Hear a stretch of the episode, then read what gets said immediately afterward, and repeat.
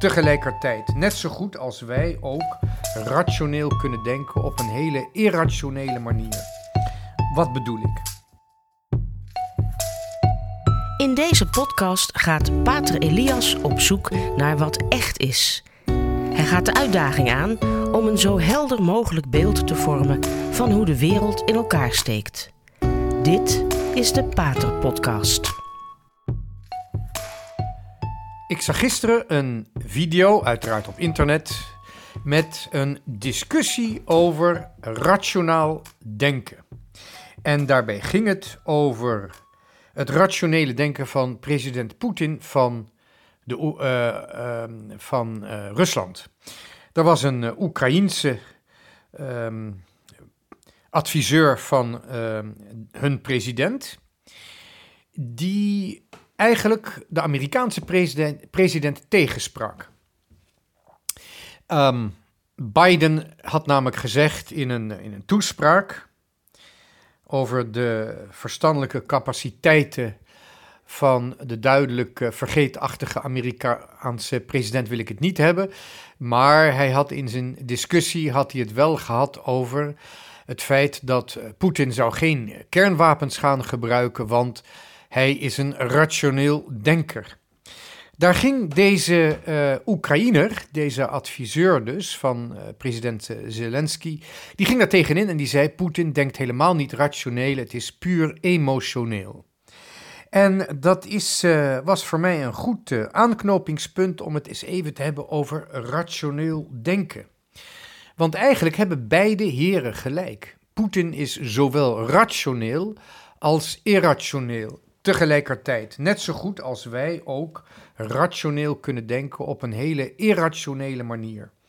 Wat bedoel ik?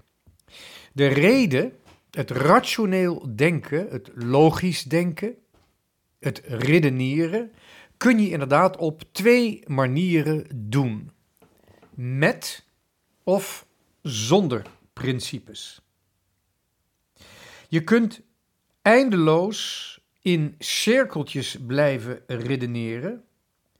Of je kunt redeneren met respect voor, principes en ook met een bepaald, een bepaald doel redeneren. Je kunt in een cirkeltje redeneren of je kunt rechtlijnig redeneren. Met een bepaald doel, een bepaalde richting. Je kunt om een punt heen draaien. Of je kunt naar een punt toewerken terwijl je ergens op een punt begint. Probeert u het maar eens op papier. Een cirkeltje draaien of een lijn trekken uh, door twee punten met elkaar te verbinden. Dat klinkt misschien heel erg uh, kleuterschoolachtig om het zo uit te leggen, maar daar gaat het hier uiteindelijk om. Hoe gebruiken we onze menselijke reden? Stellen we onze reden ten dienste van iets anders? Of proberen we permanent ons eigen gelijk te bewijzen zonder te beseffen of te erkennen dat er een realiteit buiten ons is? De echte natuur natuurlijke reden, het natuurlijk gebruik van onze rationaliteit, brengt ons vroeg of laat bij de noodzaak om principes te erkennen. En omdat we die principes moeten erkennen, moeten we dus ook eigenlijk weten waarom we eigenlijk willen redeneren.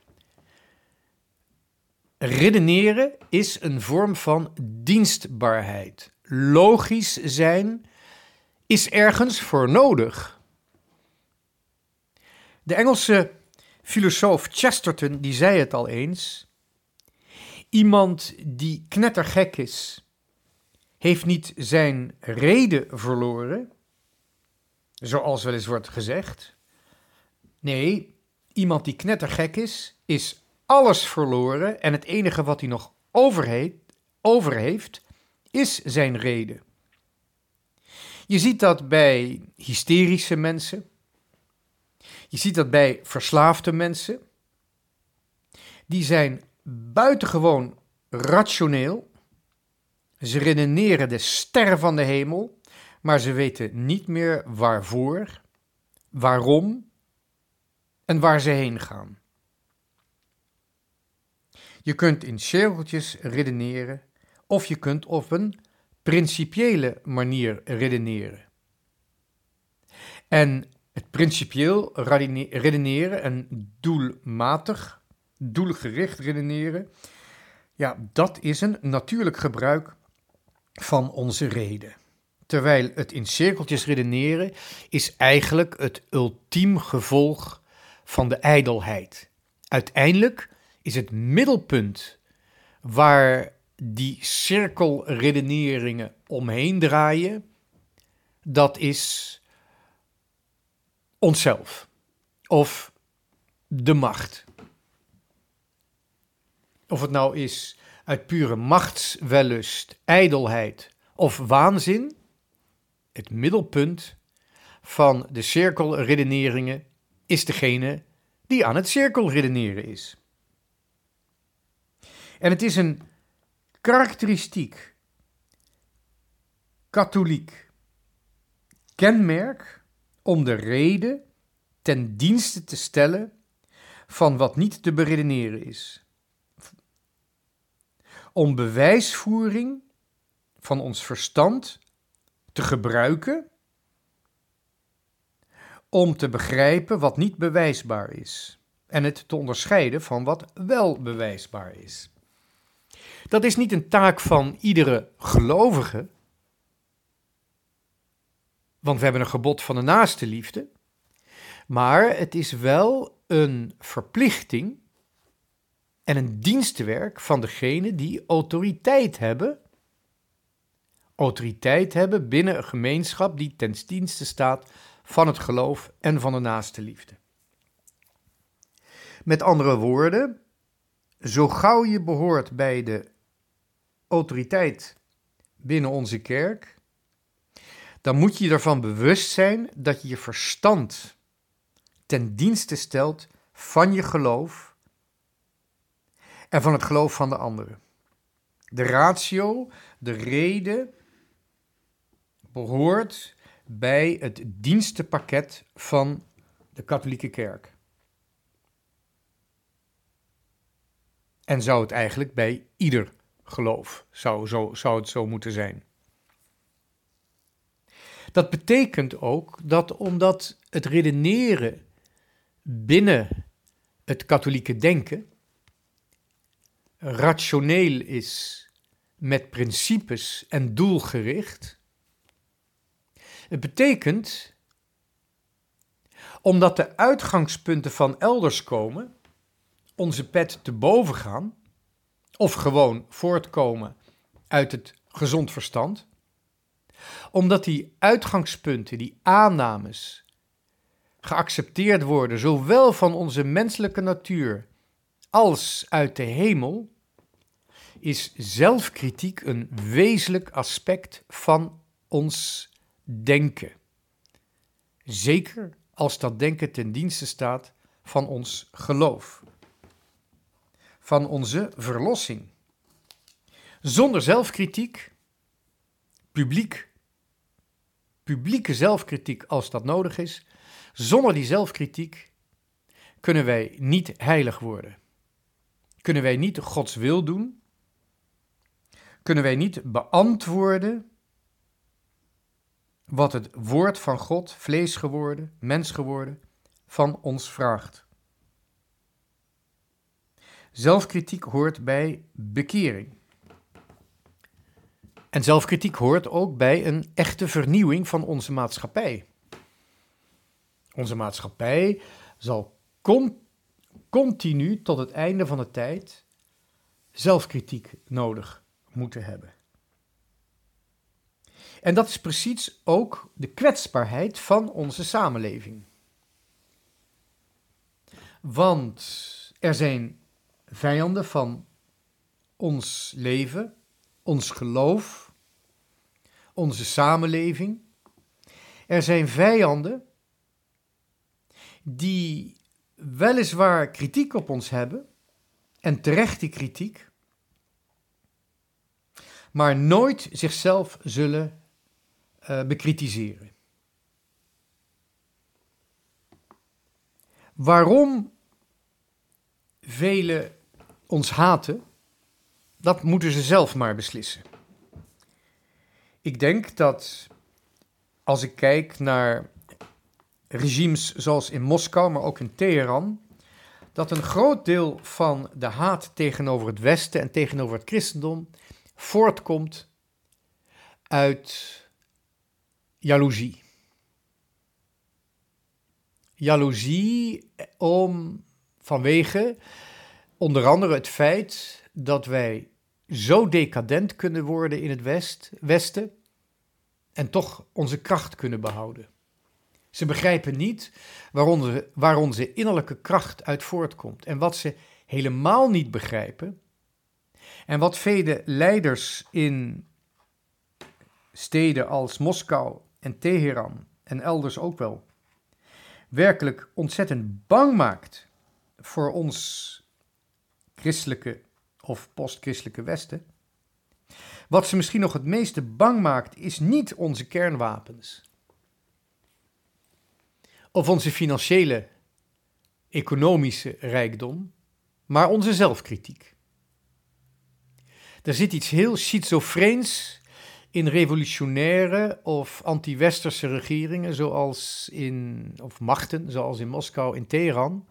Dat is namelijk aan de ene kant bekritiseren ze ons vaak op een terechte manier, maar ze zullen die, zelfkritiek, die, die, die, die kritiek nooit op zichzelf toepassen. Ze zijn dus wezenlijk schizofreen. Zij stimuleren onze zelfkritiek maar ze zullen het nooit op zichzelf toepassen. Je ziet dat ook onder andere met de enorme kracht en de effectiviteit van de Moskouse propaganda in het Westen. Ik noem maar al ja, toch wel meningen die erg uh, wijdverspreid zijn dat het Westen de oorlog in de Oekraïne heeft veroorzaakt dat er toch wel heel veel nazi's zitten in de Oekraïne. Of dat Lavrov, de minister van Buitenlandse Zaken, toch wel een van de beste diplomaten ter wereld is. Noem maar op. Het is van wezenlijk belang dat wij beseffen wat een natuurlijk gebruik van de reden inhoudt en het ten dienste stellen van onze kerk en van ons geloof. Het is een hele oude traditie die we nodig hebben om te overleven en om werkelijk op een vruchtbare manier onze toekomst te bouwen. Ze gaat heel ver terug en we zullen die traditie van rationele zelfkritiek maar ook doelgericht rationeel denken, met respect voor principes, natuurlijke principes, dat zullen we ook nodig hebben tot het einde van de tijd. De traditie gaat heel ver terug, op een hele levende manier, namelijk tot bij het Joodse volk.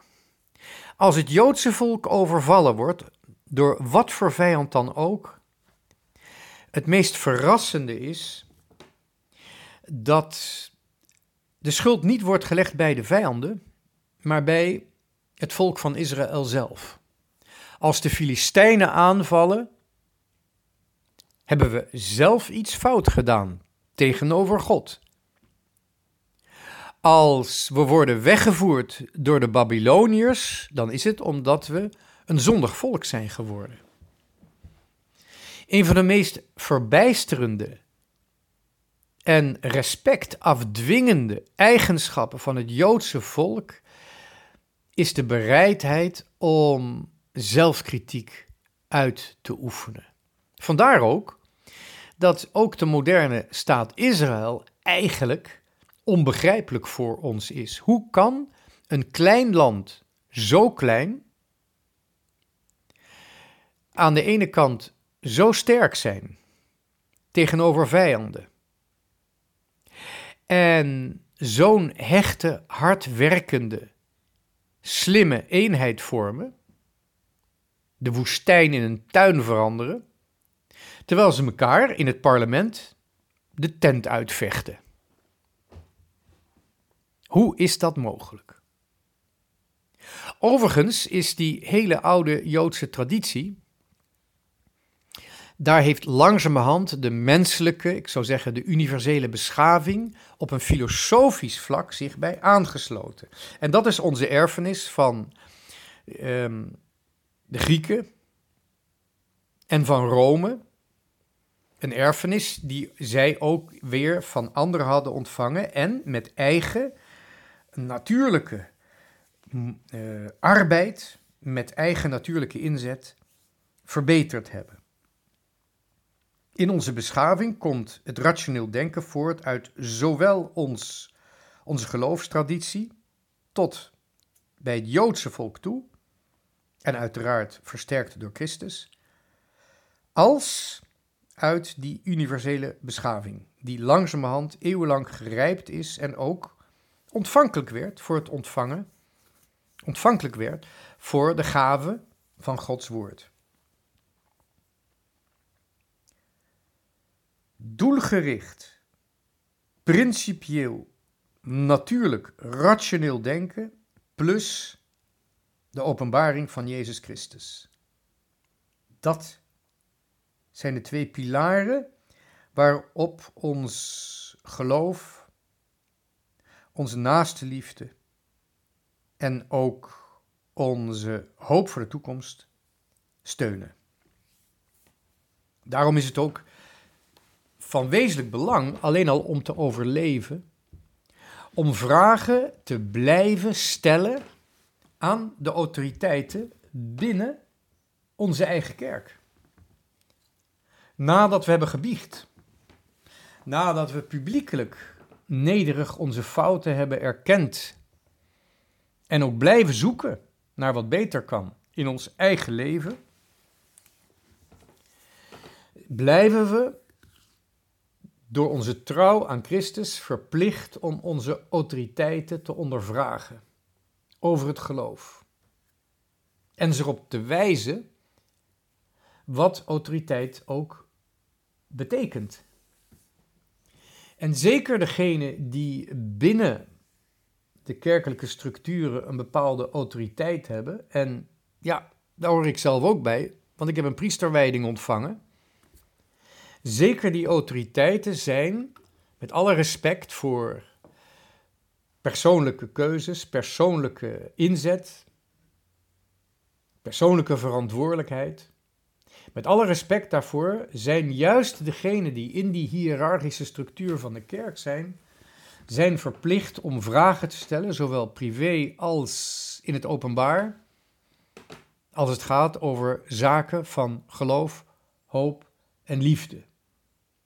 Over vragen van niet zozeer ons toebehoren aan de wereld, maar ons bestaan in deze wereld. Hoe moeten wij in deze wereld op weg zijn naar Christus?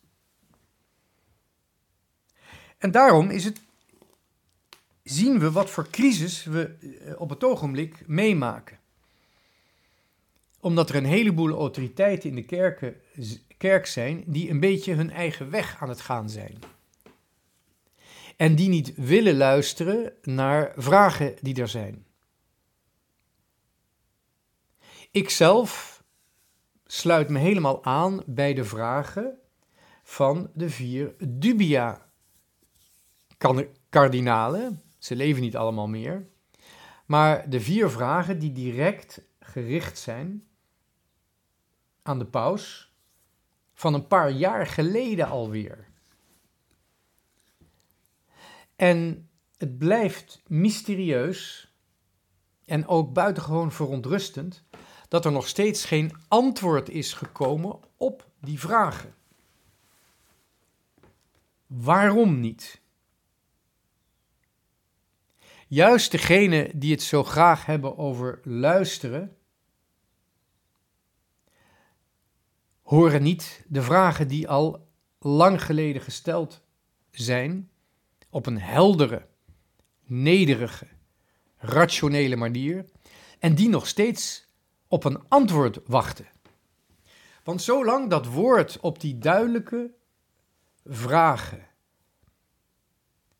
niet wordt gegeven, verwoeit de verwarring, ver, uh, ja, wordt de verwarring steeds sterker en ook de oneenigheid. En wat nog veel erger is, in deze tijd van oorlog, van grote verwarring, van grote decadentie zou je ook kunnen zeggen, hebben we echt een helder evangelie nodig. En niet allerlei synodale vergaderingen die nergens toe leiden. We hebben geen meningen nodig. We hebben een visie nodig.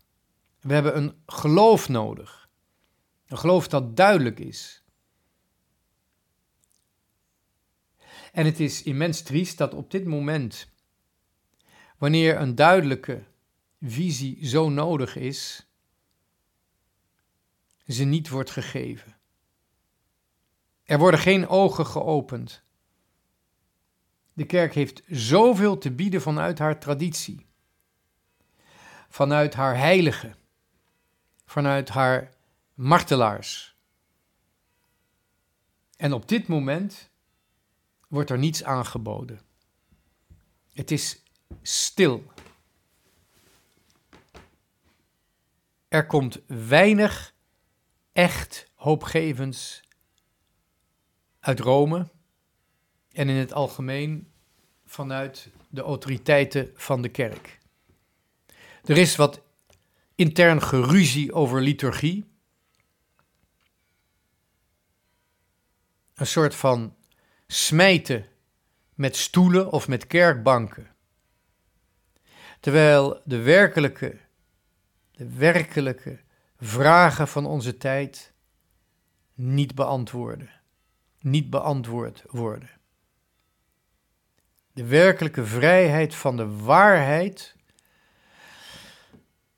ja, die moeten de mensen zelf maar zien te vinden.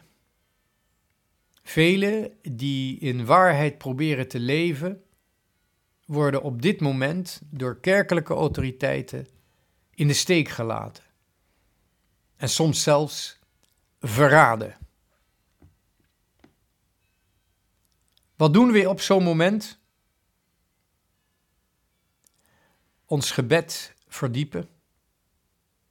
Proberen de horizon van onze visie te verruimen, wijder te maken. Onze zelfgave in gebed, maar ook in getuigenis aan de waarheid radicaler te maken. En inderdaad,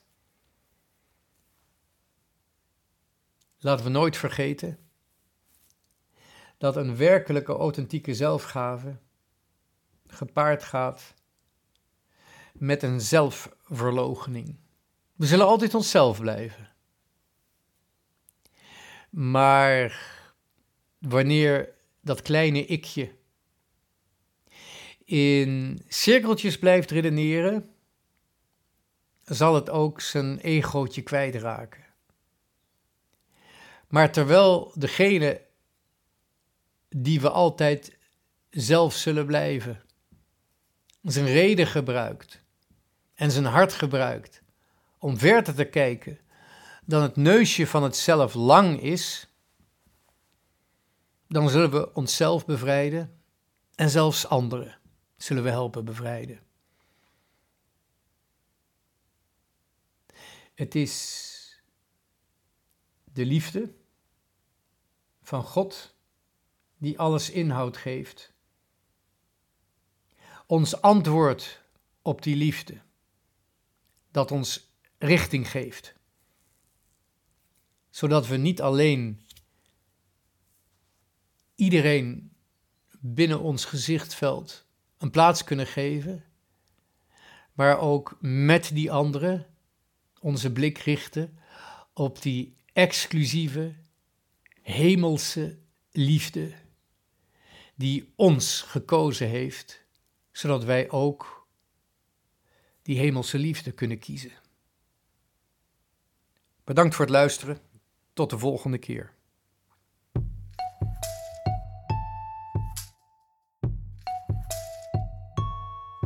Dit was de Radio Maria Pater Podcast met Pater Elias. Deze podcast is online terug te luisteren via de website van Radio Maria en andere podcastplatforms.